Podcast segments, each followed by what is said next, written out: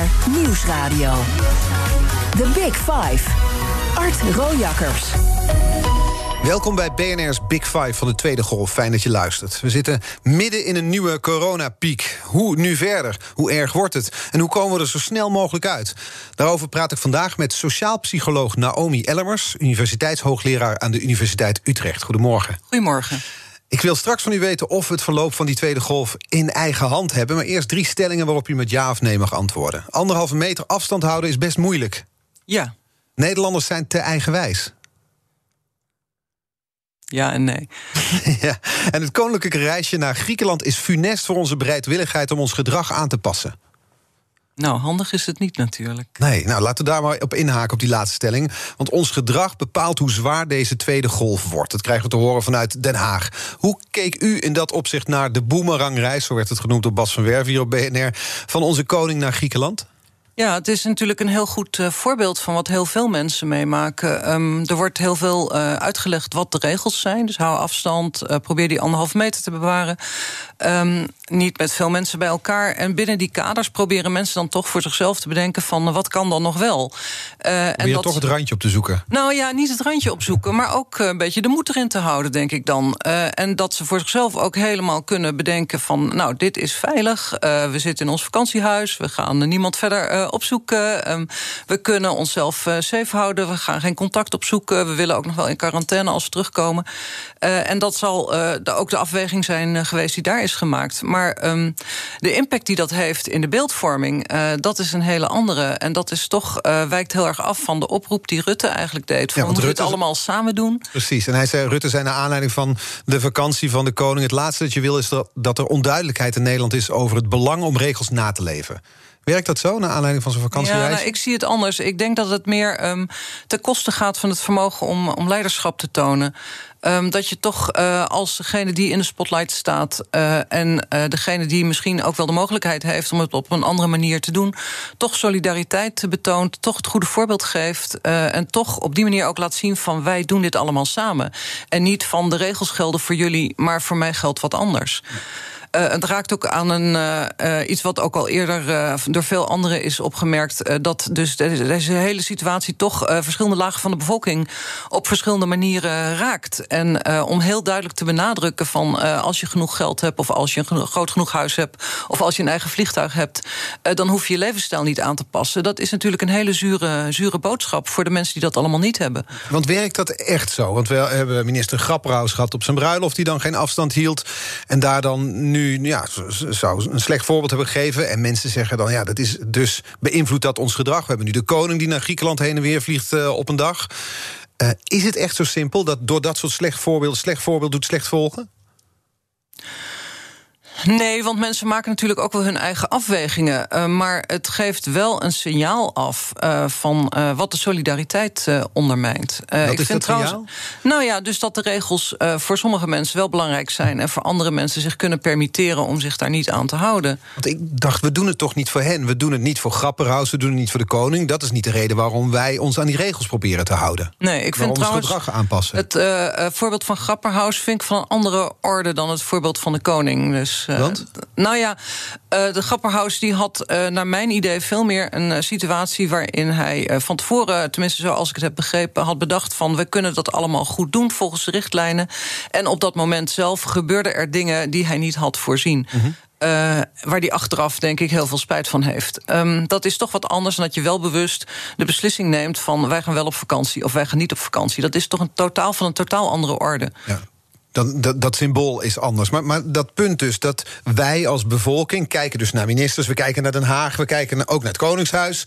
Zij geven dus voorbeelden van hoe het niet moet, zou je kunnen zeggen. Is het dan echt zo dat wij met z'n allen daarna denken... nou, hoeven wij ons ook niet meer aan de regels te houden? Nee, maar het ondermijnt dus wel de geloofwaardigheid uh, van deze mensen als uh, gezagsdragers en als degene die ook regels bepalen en ook um, uh, maakt het ook moeilijker om uh, daarin mee te gaan als je denkt van ja, maar de offers die wij moeten brengen, uh, die brengen zij zelf niet of die zijn zij niet bereid om te brengen. Hoe kunnen ze dat van ons vragen als zij zelf daar niet in meedoen? een goede leider die gaat niet achteraan staan, maar die gaat voorop in de troepen. En dit is dus niet een manier van voorop gaan in de moeilijkheden onder ogen zien. En dan is het moeilijk om zeg maar één groep te blijven. Ja, ik denk dat dat heel belangrijk is. Kijk, Rutte die zei op uh, de persconferentie van... Uh, ga niet op vakantie, ga niet op reis, blijf thuis. Als je in een huisje zit, uh, ga geen uitstapjes maken. wij keken elkaar aan thuis en we zeiden van... nou ja, dan kun je beter thuis blijven. en dat is dan toch de conclusie die eigenlijk iedereen zou moeten trekken. En toch, dit weekend topdrukt op stranden en in bossen. We trekken ons allemaal, lijkt het dan niet allemaal... maar we lijken ons gedragstechnisch niet aan te passen. We lijken niet terug te willen naar een vorm van een lockdown. We willen er nog niet aan in die tweede golf. Of is dat te snel geconcludeerd? Ja, ik denk dat het snel geconcludeerd is. Uh, wat je ziet is dat mensen toch heel erg uh, het beeld hebben van... Uh, nou, buiten is dus minder gevaarlijk dan binnen. als we genoeg afstand houden, we moeten toch wat. We moeten aan onze gezondheid werken, we moeten aan onze conditie werken. We willen toch op een veilige manier proberen mensen te zien... hoe lang gaat dit nog wel niet duren. Dus dat zijn allemaal hele redelijke afwegingen die mensen maken. Maar zijn we gedragstechnisch klaar voor een tweede golf? Ja, dat uh, hangt heel erg vanaf. Nou ja, dus ik vind het hele idee in de tweede golf denken. Um, het is voor mijn gevoel te veel op de korte termijn geredeneerd. Ook met alle maatregelen die er zijn. Eh, dus er zijn heel veel maatregelen waarvan mensen best wel bereid zijn om dat een tijdje te doen. En dat is ook gebleken. Ehm, dus je kunt heel veel nadruk leggen op dingen die daar misgaan. Uh, of voorbeelden waar mensen zich er niet aan houden. Wat mij eigenlijk verbaast is de enorme schaal waarop mensen zich wel gewoon doen wat er gevraagd wordt. Hoewel er eigenlijk geen enkele formele uh, basis, zeker in het begin, voor was. er werd opgeroepen om allemaal thuis te blijven en iedereen die bleef thuis. Dus je kunt het ook zeggen van van uh, mensen die zijn juist heel erg bereid om zich daaraan te houden op een moment van crisis. Maar we zitten nu meer in een soort lange termijn uh, scenario. En uh, ik denk dat dat een andere benadering vraagt dan een crisisbenadering. The Big Five. Art Rojakkers. Deze week vijf kopstukken over de tweede golf. U praat met Wim Schellekes van het Red Team... kritisch hoogleraar Ira Helsloot... viroloog Marion Koopmans en Diederik Gommers van de IC's. En vandaag de gast Naomi Ellemers, sociaal psycholoog... en universiteitshoogleraar in Utrecht. En nou zei je, uh, ja, dit is niet per se meer een crisis... maar we moeten meer naar de langere termijn kijken. Dat vergt dus een andere manier van denken? Ja, en ook een andere manier van uh, sturen van gedrag. Um, als je naar gedrag kijkt, of als je kijkt hoe je gedrag wil sturen, um, dan zijn we geneigd om heel erg te denken in uh, termen van: nou, je bedenkt iets en dan ga je dat uitvoeren. Ja, rationeel maak ik een plan. Ik wil gaan afvallen. En ja, dan... ja, nou, en je weet uh, hoe goed dat iedereen lukt. Uh, want dan kom je toch op die verjaardag met dat lekkere taartje en dan denk je van: nou, vooruit die ene keer. Of je zegt heel dapper: nee, nee, ik doe het niet, ik ben op dieet. En dan zegt iedereen van: doe nou, doe nou niet zo ongezellig. Ja. Nou, hup, daar ga je weer. Dus wat wij dan noemen in ons vakgebied de macht van de situatie. Um, die onderschatten mensen. De macht van de situatie? Ja. ja. In hoeverre is dat van toepassing op corona? Want bij zo'n verjaardagsfeest snap ik het. Maar hoe, hoe geldt dat nu dan? Nou, bijvoorbeeld ook uh, het verhaal van Grapperhaus. Hè, dus dat hij van tevoren dat helemaal kan uh, bedenken, dat scenario uh, voor die bruiloft. En dat geldt natuurlijk niet alleen voor hem, dat geldt ook voor allerlei andere mensen. Die dachten van op deze manier kan het wel. En dan gebeuren er toch dingen die je niet kunt voorzien. Um, ik heb het zelf meegemaakt. Waren we ook ergens en uh, zorgvuldig anderhalve meter afstand houden. Komt ineens komt iemand naar mij toe en zegt: Ik moet je vertellen, mijn schoonvader is plotseling overleden is dan het eerste wat je zegt van uh, ga weg of ik stap achteruit. Dat is heel moeilijk. Dat kun je van tevoren als je thuis bent niet bedenken uh, dat dat gaat gebeuren. Um, dus die situatie is heel belangrijk. Uh, emoties zijn heel belangrijk, gevoelens zijn heel belangrijk. Um, ik heb bijvoorbeeld volwassen kinderen, die heb ik al maandenlang geen knuffel gegeven. Nou, dat gaat in tegen alles wat in je zit. dat maakt het gewoon heel moeilijk om wat je bedacht hebt, om dat ook uit te voeren en de, op de lange termijn te blijven uitvoeren. Ja, en dat is iets wat we op korte termijn kunnen, want het is crisis, dus dus dat doen we nu even niet. Ja. Maar nu zitten we in de tweede golf. Ja. Die zou wel eens langer kunnen gaan duren dan de eerste golf, horen we. Dus dit is iets wat we, waar we maanden misschien wel mee moeten leven. En dan is dat dus lastiger. Ja, en ik denk dat we dus toch veel meer moeten bedenken um, naar manier waarop het wel kan. We zitten dus heel erg in de sfeer van nieten. Uh, dit mag niet en dat mag niet. Uh, wat wel interessant is, dat zien we ook in onderzoek wat we daarnaar doen. Um, als we mensen vragen om um, bijvoorbeeld te zeggen van nou, je moet dus opletten dat je niet puntje, puntje, puntje doet. Uh, ga nou eens bedenken wat je allemaal kunt doen om dat voor elkaar te krijgen. en dan tellen we gewoon met hoeveel ideeën mensen komen. En in het andere geval vragen we aan mensen van nou, wat wil je nou wel bereiken? Wat wil je nou wel iets voor elkaar krijgen, het goede voor elkaar krijgen. Dan zie je dat mensen al veel creatiever worden met het bedenken van allemaal slimme manieren om dat voor elkaar te krijgen. Dus we zitten eigenlijk veel te veel in de nieten-stand, naar mijn gevoel, en veel te weinig in de wat kan er wel stand. Dus er zou bij die persconferentie van uh, Hugo de Jonge en Mark Rutte zouden ze misschien meer moeten zeggen: Nou, het is een rot situatie, maar dit kunnen we nog wel doen. In plaats van we gaan een heleboel dingen verbieden. Ja, zij hebben natuurlijk wel de taak om dat te doen. Uh, maar ik denk dus ook, um, de hele insteek is toch heel erg vanuit juridisch perspectief... van wat kun je doen met regelgeving, wat kun je doen met handhaving. Maar dit is natuurlijk zo'n enorme schaal. Je zit met de hele bevolking, je zit met allerlei alledaags gedrag... wat ineens uh, verboden is. Dat kun je nooit via regelgeving en handhaving oplossen. Je moet het echt hebben van de mensen zelf. Gedragsverandering. Van hun eigen wil. Ja, en wat wij noemen intrinsieke motivatie. Dus dat ze zelf ervan overtuigd zijn waarom iets belangrijk is... Uh, dat ze dat willen doen. En um, wat ik dus zie, ook heel veel voorbeelden voorbij komen van ondernemers die allemaal hele creatieve ideeën en bijna niet kapot te krijgen van, uh, nou dan mag dit weer niet, nou dan gaan we dat verzinnen. Um, en ik zou er heel erg uh, voorstander van zijn als er, ja, hoe je dat moet organiseren, ik dan ook even niet, een, een loket of iets zou zijn waar je kan zeggen van, nou hier heb ik mijn plan om mijn bedrijf als volgt voor te zetten. Dit is de manier waarop we dat binnen de richtlijnen kunnen doen. Kunt u uh, voor mij checken van of dit haalbaar is en kan ik op grond daarvan bijvoorbeeld mijn bedrijf eh, weer open doen. Maar goed, men is bang voor onduidelijkheid. Men is bang voor niet kunnen handhaven. Uh, maar ja, je hebt dus inderdaad wel een enorme hamer uh, om, uh, om de hele boel stuk te slaan op die manier. We kijken te strikt juridisch op dit moment. In plaats van hoe we, kunnen we dit als, als maatschappij, als groep, ons gedrag zo aanpassen dat we deze tweede golf aankunnen. Ja, en ik denk dat er ook te weinig, um, ook in de boezem van waar deze besluiten worden genomen. OMT. Ja, nou ja, ik weet niet. Uiteindelijk is de politiek die volgens mij besluit daarover.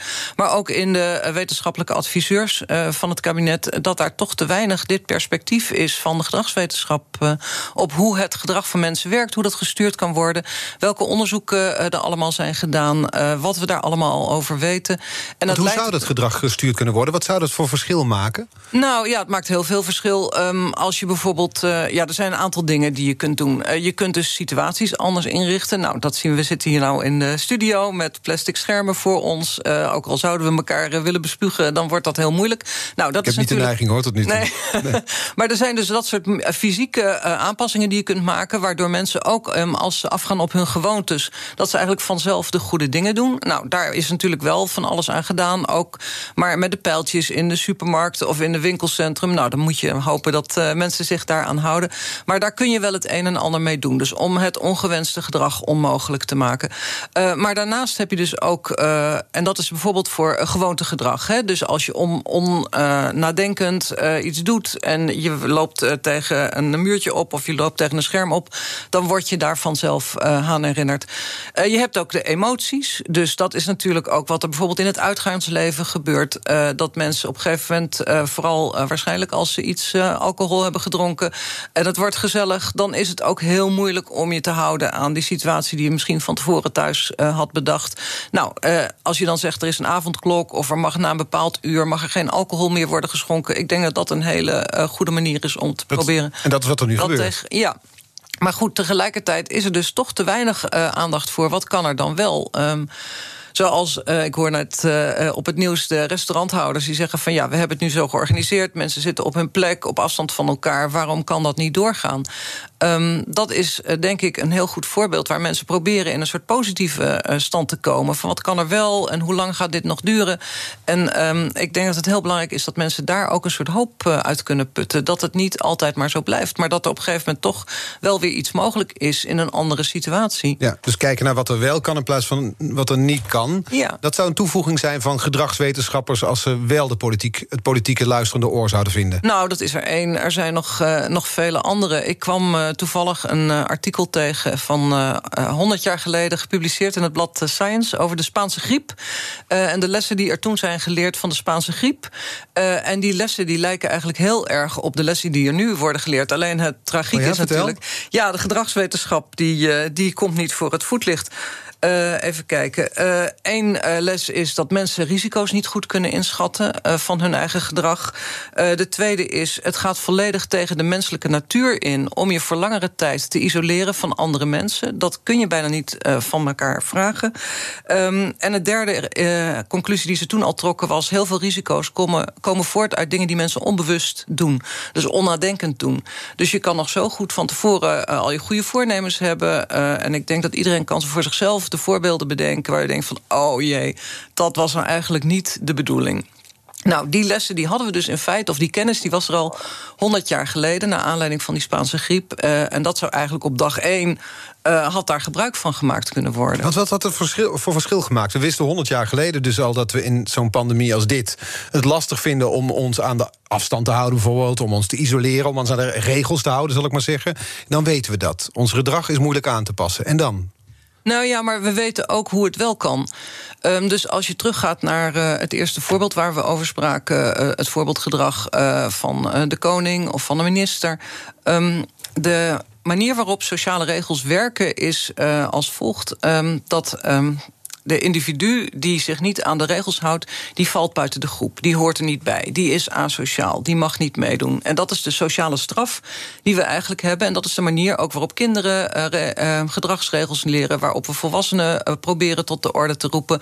Ook als er geen wet is of ook als er geen handhaving is. Ons gedrag. Ja, als jij je asociaal gedra gedraagt, dan hoor jij of dan wil wij jou niet op ons feestje uitnodigen. Of dan mag jij niet mee op vakantie. En zo leren mensen dat. Um, maar wat is de beloning? Dan is, is dat je erbij hoort. Dat je mee mag doen. Dat je uh, wat je het liefste wil, dat je in de groep mag meedoen. En dat je gewaardeerd wordt als een goed groepslid. En nu hebben we geen beloning. Nee, want nu moet je dus alleen thuis zitten. En als je dat goed doet, dan nou, zit je alleen jezelf. thuis. Ja. ja. Dus dat is eigenlijk een hele rare manier um, die eigenlijk ingaat tegen alles wat nodig is om sociaal gedrag um, te leren. Een tweede probleem wat hierbij komt kijken is dat uh, ja, wat wij noemen de feedback heel erg uh, onduidelijk en heel erg uitgesteld is. Dus als je bijvoorbeeld uh, andere dingen moet leren, zoals je rijdt een keer door een oranje stoplicht en je veroorzaakt bijna een ongeluk, nou je schrikt je een hoedje. Je denkt de volgende keer van oké, dat oranje, ik ga gewoon altijd stoppen.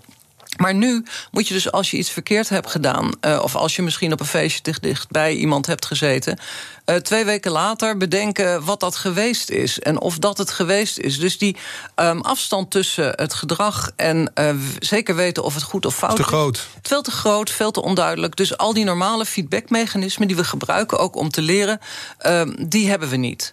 Nou, het derde probleem is dat allerlei uh, beleefdheidsregels en dingen die we met veel pijn en moeite uh, hebben aangeleerd in onze kindertijd. Iedereen die je tegenkomt netjes een hand geven. Nou, hoe lang duurt het wel niet voordat kinderen dat uh, zelf iedere keer bedenken? Of dankjewel zeggen als je een plakje worst krijgt. Ik ben nog steeds aan instansen bij mijn kinderen. Nou ja, en, en niet die hand geven, maar wel de dankjewel zeggen. Ja. Dat is raar natuurlijk. Ja. Je leert kinderen niet ja. meer om een hand te geven. Nee.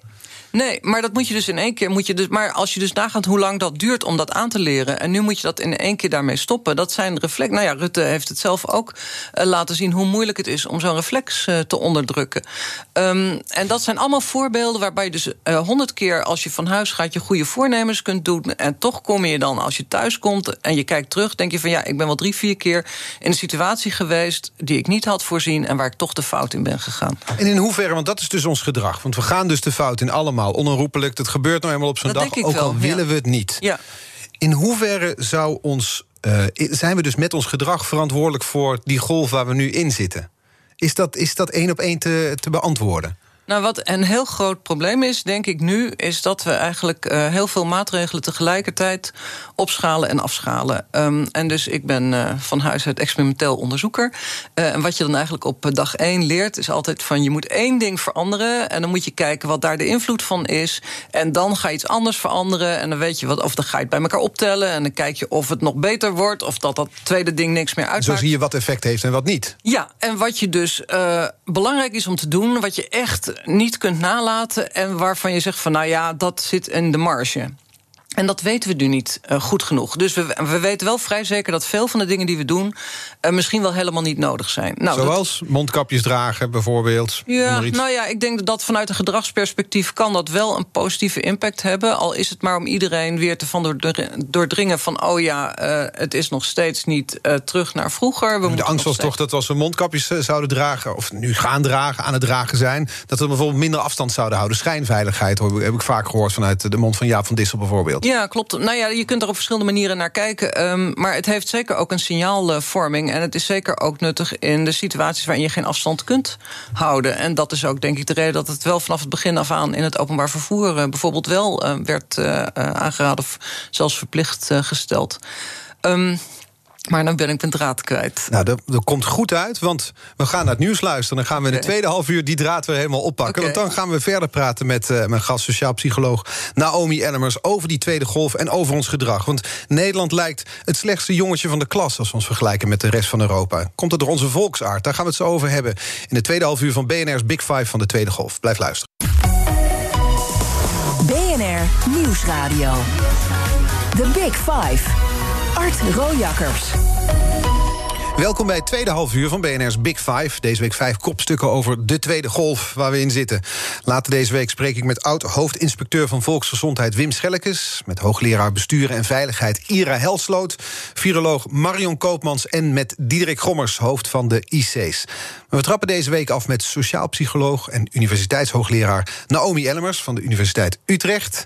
We hebben het over ons gedrag en hoeverre dat invloed heeft op die tweede golf, ja of nee.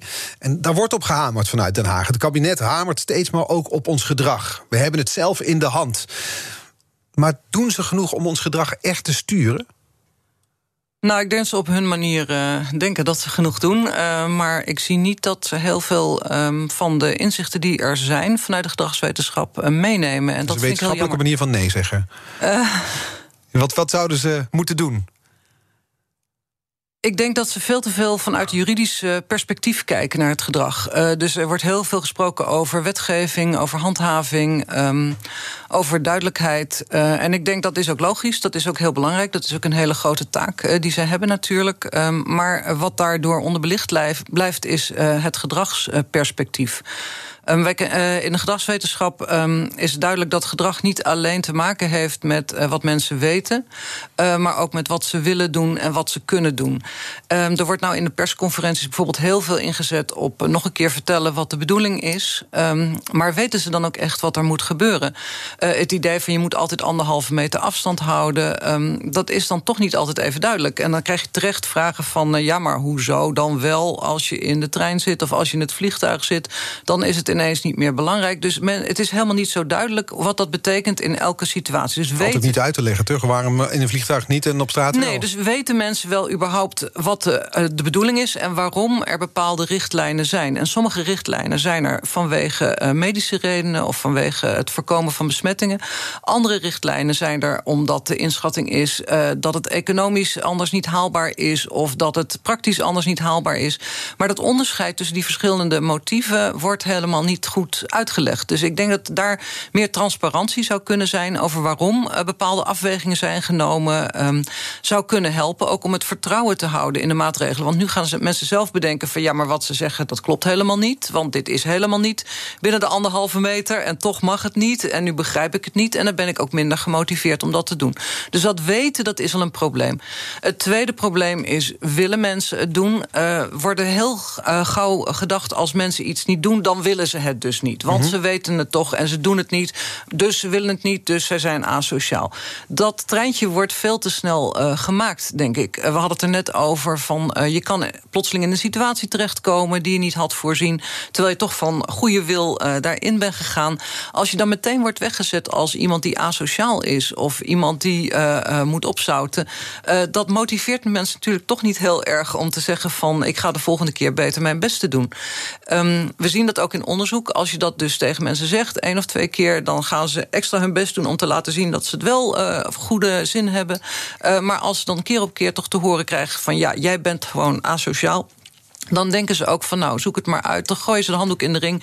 En dan willen ze het niet eens meer uh, proberen. En dat zie je nu ook een beetje ontstaan. Toch met die groepen mensen die zeggen van nou, wij willen ons niet eens meer aan de regels houden. Of wij vinden het onzin. Nou, dat wil je niet. Uh, het derde aspect wat nodig is om je aan de regels te kunnen houden, is je moet het kunnen. Um, daar zien we ook weer het verschil tussen uh, bepaalde groepen in de samenleving. Als je drie hoog achter woont, of als je een contactberoep hebt, of als je met drie generaties in één woning woont, dan wil je misschien wel en dan weet je het misschien wel, maar dan kun je het gewoon niet uitvoeren. Uh, en ook daar vind ik dat het te makkelijk wordt uh, gedacht van, nou, iedereen die dat wil, die kan dat. En denk ik van, nee, dat, dat is niet zo. Um, mensen die leven in omstandigheden die dat heel moeilijk maken. En misschien moet je dus daar ook naar kijken en zeggen van, nou, hoe kun je dan mogelijk maken dat mensen toch op een goede manier hun werk kunnen blijven doen of uh, vanuit hun woning toch ergens buiten kunnen recreëren of elkaar kunnen ontmoeten als ze binnenshuis daar de ruimte niet voor hebben. Uh, en ik denk daar dus ook weer van, uh, zou je toch veel meer moeten denken in, oké, okay, waar lopen die mensen tegenaan? Uh, hoe kun je dat oplossen? In plaats van zeggen van, nou, als je dat niet wil, of als je dat niet doet, dan wil je dat dus niet. Dan gaan we jou een boete geven. Ja, dus dan weten, ben je asociaal of wat dan ook. Precies, weten, willen, kunnen, daar gaat ja. het dus om. En ja. dat is eigenlijk wat er nu vanuit de communicatie, vanuit de overheid niet goed genoeg gaat. Er wordt juridisch vooral gekeken naar ons en wordt gezegd, jullie houden je niet aan de regels, er komen boetes. Ja, want je wil het dus blijkbaar niet. En wie niet luisteren wil, die moet maar voelen. Ja. En dat werkt dus niet gedragskundig gezien? Nou, de schaal waarop je het nu wil doen. Uh, en ook uh, dus de juridische basis, die is er helemaal niet. Mijn oudste zoon is jurist, die heeft me dat uitgelegd... dat in die eerste fase kon dat eigenlijk helemaal niet uh, wat er gebeurde. maar ook de schaal waarop je dus zou willen handhaven... dat is gewoon helemaal onbegonnen werk. En ik heb het zelf ook meegemaakt. Dus het werkt niet, ook al is het dus juridisch gezien... Hè, kan, het, kan het wel kloppen nu misschien... want er zijn allerlei wetten nu die, ja. die, die eraan komen. Ja. Maar je kan nooit heel Nederland beboeten... als wij ons allemaal niet in de regels houden. Het zal dus op een andere manier moeten. We zullen ons gedrag moeten aanpassen. En dat gebeurt op deze manier vanuit Den Haag. Gaat dat niet gebeuren? Nee, en ook uh, de manier die je normaal hebt. Dus door bij elkaar te zijn en door met elkaar uh, te zeggen van... nou, dit vinden wij wel oké, dit vinden wij niet oké. Dat is dus ook heel erg beperkt. Omdat iedereen thuis zijn eigen afweging uh, moet maken. Maar toch, wij zaten in... We zitten nu in een gedeeltelijke lockdown. We zaten in het voorjaar in een intelligente lockdown. Toen dachten wij nog als Nederlanders, we doen het dus goed. We zijn, hè, we zijn een intelligent land. We worden op onze eigen verantwoordelijkheid aangesproken. Er verschenen ook berichten over, over dat wij dus blijkbaar als land dat kunnen... in tegenstelling tot landen waar ze een hele strenge lockdown hebben... zoals in Spanje en Italië. Toen klopten we ons nog op de borst. Ja, en ik denk dat dat toen wel goed uh, ingeschat is, ook um, door de politiek. Dat dat ook past bij uh, de manier waarop Nederlanders uh, naar zichzelf kijken. Um, ik denk dat het ook een hele strenge maatregelen... dat het al, waarschijnlijk alleen maar toe had geleid... dat meer mensen dat hadden geprobeerd te ontduiken. Um, maar nu ja. zitten we in een gedeeltelijke lockdown... en zijn we het slechtste jongetje van de klas in Europa. Ja, nou ja, besmettingscijfers. Dat, ja. Dus blijkbaar zijn we helemaal niet zo intelligent. Blijkbaar zijn we vooral heel eigenwijs. Nou ja, ik denk dat het toch uh, ook eerder, toen de signalen al waren tegen het einde van de zomer, dat die aantallen weer op gingen lopen, uh, dat het toch eerder ingegrepen had moeten worden. En dat het toen toch wel te lang is geaarzeld, omdat men natuurlijk ook weet wat een gigantische impact uh, dat heeft. En te lang is gehoopt dat het misschien toch nog wel ten goede zou keren. Het ligt aan Hully in Den Haag, niet aan ons gelukkig. Nee, dat is niet waar, want iedereen die is daar zelf bij. Maar waar we het eerder over hadden, iedereen die legt toch zijn eigen grenzen van wat nog net wel kan en wat nog net niet kan. En we willen het zo graag. En we hopen dat het allemaal weer voorbij is. En ik denk dat dat niet de realiteit is. Ehm. Maar is die, dat gedrag, uh, het feit dat wij nu niet in een intelligente lockdown zitten... maar het zo slecht doen vergeleken met andere landen in Europa... houdt gedrag eigenlijk op bij de landsgrens? Zijn wij wezenlijk anders in ons gedrag dan bijvoorbeeld de Duitsers, de Belgen, de Fransen? Uh, nou ja, dat is dus ook weer een hele moeilijke vergelijking. Want je hebt niet alleen te maken met een andere volksaard, om het zo maar te noemen, maar ook met ander beleid. Dus wat heeft het hem nou gedaan? Dat is heel moeilijk uh, te vergelijken. Maar er zijn wel studies gedaan, uh, ook een studie waar ik zelf aan mee heb gedaan, waarin we in allerlei verschillende landen in de wereld met ook verschillende ja, culturen hebben vergeleken van hoe zit het nou met die bereidheid om je aan de regels te houden. en dan heb je echt grote culturele verschillen. Dus je hebt bijvoorbeeld in Azië heb je de zogenaamde collectivistische culturen. Uh, hier in Nederland zijn meer uh, individualistisch uh, um, aangelegd. en het is in zo'n crisis als dit lastig. Ja, nou ja, wat er wel gezegd wordt, een ander onderscheid wat wel gemaakt wordt, is eh, tussen zogenaamde tight eh, cultures en loose cultures. Die tight, dus uh, strakke culturen, of rule makers worden ze ook wel genoemd, regelmakers. En loose cultures, rule breakers, uh, regeldoorbrekers. Nou, Nederland is denk ik een regeldoorbrekend land. Ja, dat denk ik ook. en dat kan allerlei consequenties hebben, bijvoorbeeld voor creatieve beroepen, of weet ik veel wat. Kan je voorstellen dat zo'n regeldoorbrekend ehm, benadering dat dat beter werkt.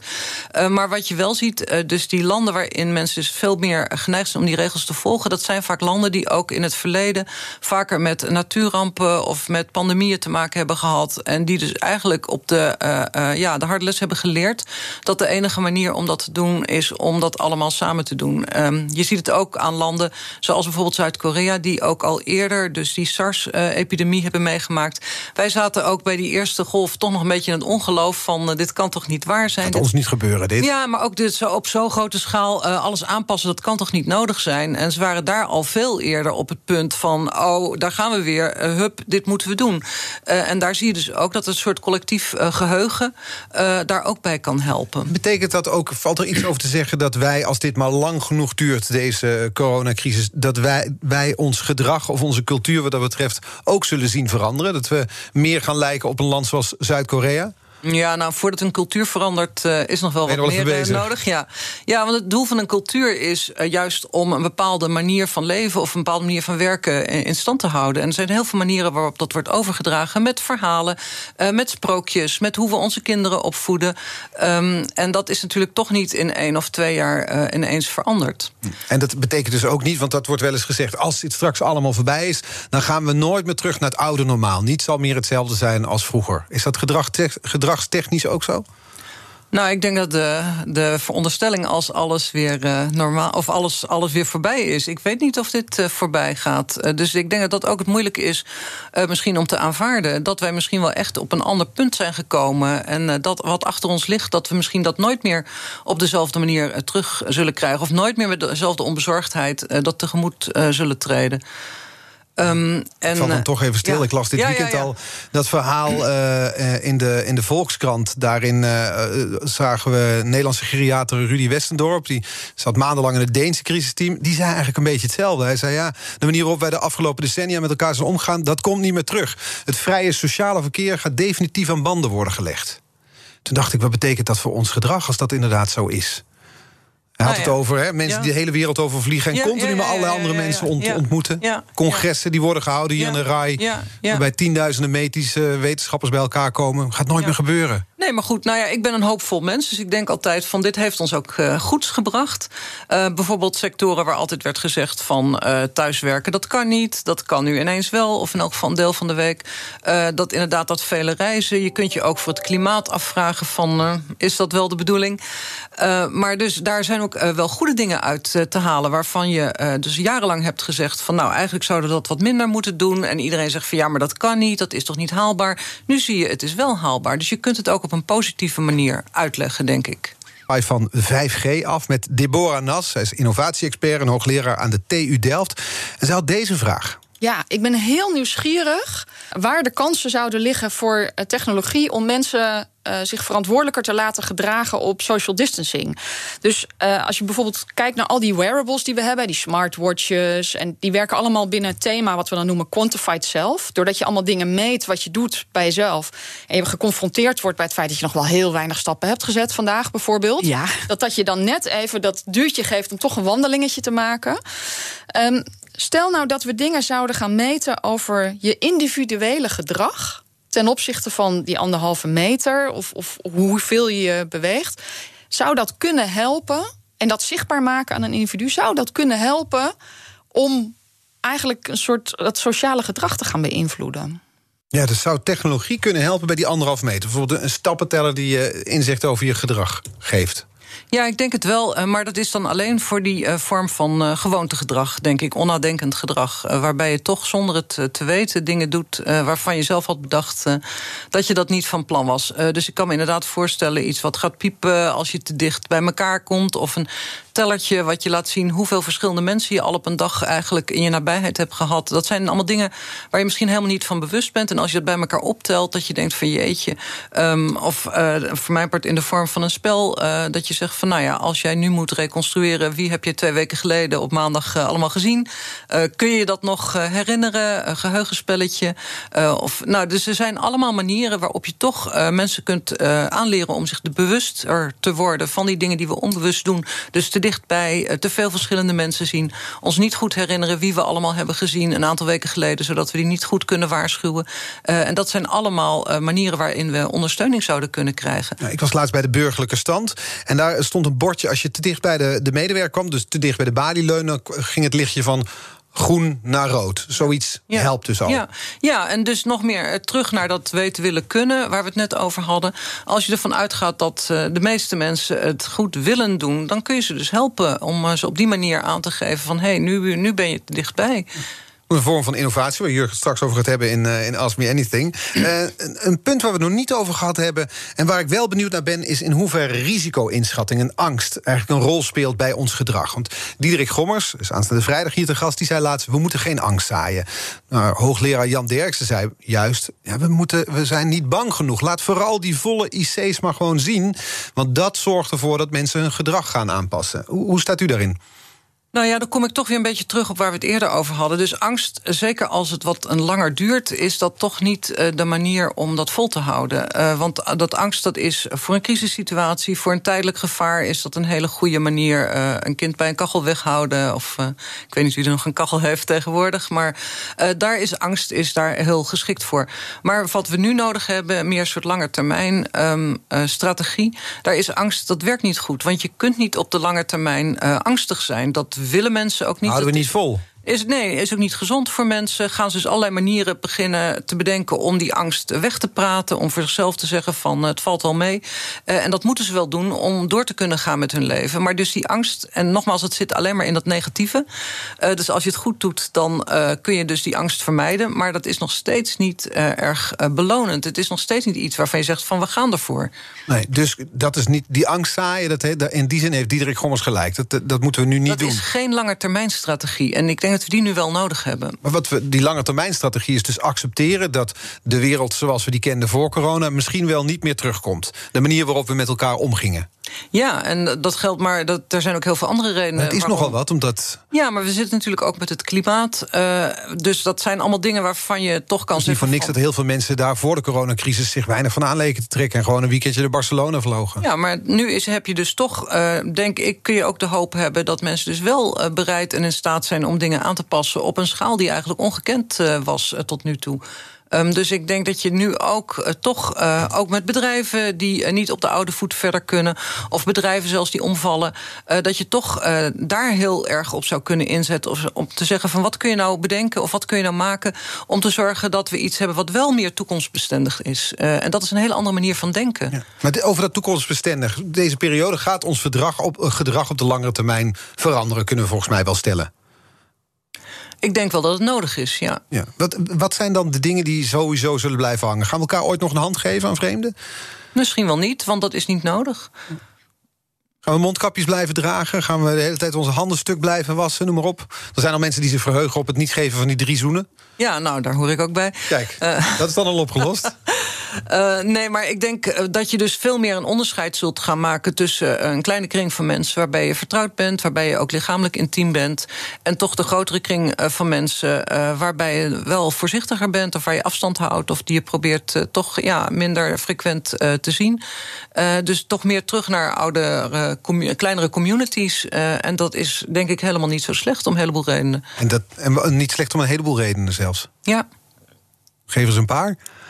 Nou, uh, ook collega's van mij die dat uh, onderzoeken, die uh, hebben ook aangetoond niet alleen dat dat belangrijk is voor bijvoorbeeld sociaal gedrag en dat mensen zich om elkaar bekommeren, dat natuurlijk ook een hele grote zorg is van de moderne samenleving, maar dat het ook letterlijk beter is voor de geestelijke en lichamelijke gezondheid van mensen. Als ze in een groep horen, als ze ergens bij horen, liefst als ze bij meerdere groepen horen en dus al die vluchtige contacten die niet heel diepgaand zijn, dat heeft niet diezelfde betekenis betekenis. Als het echt het gevoel hebben lid te maar, uh, uit te maken van, van een gemeenschap waar je bij hoort, waar je voor elkaar zorgt, waar je voor elkaar opkomt, uh, waar je elkaar ook kunt helpen of kunt aanvullen. Uh, en dat is ook wel iets wat we ja, eigenlijk een beetje waren kwijtgeraakt, kun je ook zeggen. Ja, want jarenlang werd juist nee, de, gezongen bijna over de wereld die een soort dorp is geworden. Je kon hè, vrienden hebben op alle continenten via sociale media. Je kon mensen treffen. Dus de wereld werd steeds kleiner. En daarmee onze groep, de groep die we om ons heen verzamelden, steeds groter. En wat corona nu doet, is eigenlijk zeggen, ons dwingen om die groep weer kleiner te maken. Ja, je moet niet vergeten dat het leven wat je net schetste, dat dat ook maar voor een hele kleine uh, percentage van de bevolking zo was. Ja, niet die sociale media. Mensen hadden toch de, bedoel, de bubbel waarin je leeft wordt steeds groter, de kring waarmee je omringt. Nou, dat is niet waar, want als je naar sociale media kijkt... ik weet niet of je gisteren uh, Arjen Lubach hebt gezien... Uh, maar die laat zien dat je eigenlijk ook via die sociale media... denkt dat je met iedereen verbonden bent... maar dat eigenlijk ook je, groepje. je, groepje. steeds kleiner wordt. Dus dat is ook een illusie, denk ik, uh, die we hebben. En dat de hele wereld rondreizen... dat is denk ik ook toch een klein percentage van de bevolking... die dat deed. En voor de meeste mensen is het misschien één keer per jaar... een vakantiereis, en dat is het. en dat zal voor hun niet een heel groot verschil uitmaken. Dus eigenlijk maakt corona niet zoveel verschil voor een hele grote groep Nederlanders. Daar geloof ik niks van. Nou, in elk geval kun je dus weer teruggaan naar de vraag van wat kun je allemaal nog wel doen op deze manier. En ik denk dat daar dus iedere keer te weinig aandacht voor is. Ja, in plaats van wat je niet kunt doen. Eh, die kettingvraag die, die, die mag je weer stellen aan uh, de gast uh, van morgen. Morgen is hier de gast Ira Helsloot, is hoogleraar besturen van veiligheid. Kritisch volgen van het beleid van het kabinet omtrent corona. Wat, wat zou je willen vragen? Wat ik hem zou vragen is hij heeft uh, veel onderzoek gedaan ook naar uh, crisisbestrijding bij rampen, zoals uh, grote branden of ontploffingen. Dat is echt een crisissituatie die op dat moment plaatsvindt. en hij heeft daarover ook in zijn onderzoek geschreven dat de sociale media een goede rol daarin kunnen spelen. Bij mensen informeren wat er aan de hand is, bij mensen helpen om om te gaan met die situatie. Um, ik vraag me af hoe hij dat ziet uh, wat betreft de overeenkomsten en de verschillen met de situatie die we nu hebben. Het is niet een soort eenmalige, onduidelijke situatie. Het is toch een soort meer langere uh, termijn uh, probleem. Of dezelfde regels die gelden voor zo'n eenmalige crisis ook hier opgaan, of in welke opzichten dat anders is. En vooral of de rol van de sociale media hierin anders zou kunnen zijn dan wat hij geschetst heeft. We gaan het er morgen voorleggen. We gaan natuurlijk ook die persconferentie die er ongetwijfeld zal komen van Rutte en eh, de jongen gaan we dan bekijken. Wat, wat hoop je daarin vooral wel te zien? Um, ik hoop vooral meer transparantie uh, te zien over welke afwegingen zijn gemaakt en waarom bepaalde beslissingen zijn genomen. Om meer uh, te laten zien dat sommige um, regels zijn ingegeven door uh, um, risico op besmetting verminderen. En andere beslissingen eigenlijk zijn ingegeven door andere overwegingen. Zodat mensen het ook snappen waarom er geen consistentie is in het beleid. Het punt wat ik net wilde maken, wat ik niet heb kunnen afmaken, is uh, uit die vergelijking tussen al die landen. Uh, wat daar eigenlijk het belangrijkste conclusie die wij trokken uit de gegevens die wij hadden, uh, was dat ongeacht in welk land je woont of in welke cultuur je zit, de belangrijkste voorspellende factor voor mensen om te zorgen dat zich aan de richtlijnen hielden was of zij vertrouwen hadden in de overheid en of zij vertrouwen hadden in de wetenschap. En als je dat vertrouwen dus één keer kwijt bent, dan is het heel moeilijk om dat weer terug te winnen. En dat heeft niks te maken met cultuur. Dat vinden we in alle landen van de wereld. En dat vertrouwen, dat is misschien wel afgelopen weekend toch een beetje aangetast door die vakantie van de koning. Nou ja, nogmaals, ik denk dat dat een, net een ander perspectief is dan, uh, dan dat. Dat is toch meer het idee van. Uh, de regels gelden niet voor iedereen. En dat is weer een ander probleem wat daarmee te maken heeft. Dank. Dank ook voor dit uh, gesprek. Sociaal psycholoog Naomi Ellemers. Uh, deze aflevering is natuurlijk net als alle afleveringen van BNR's Big Five terug te luisteren. De podcast is te vinden in de BNR-app en op bnr.nl. Nu op deze zender Jurgen Rijman met Ask Me Anything. Tot morgen. Bij BNR ben je altijd als eerste op de hoogte van het laatste nieuws. Luister dagelijks live via internet. Jelle Maasbach. Wesley Weert. We zijn er voor je met het leukste, opvallendste, maar natuurlijk ook het belangrijkste nieuws. Tijdens de presentatie van die halfjaarcijfers toen die beurskoers in elkaar kukkelde. BNR Beurs. Voor de slimme belegger. Blijf scherp en mis niets.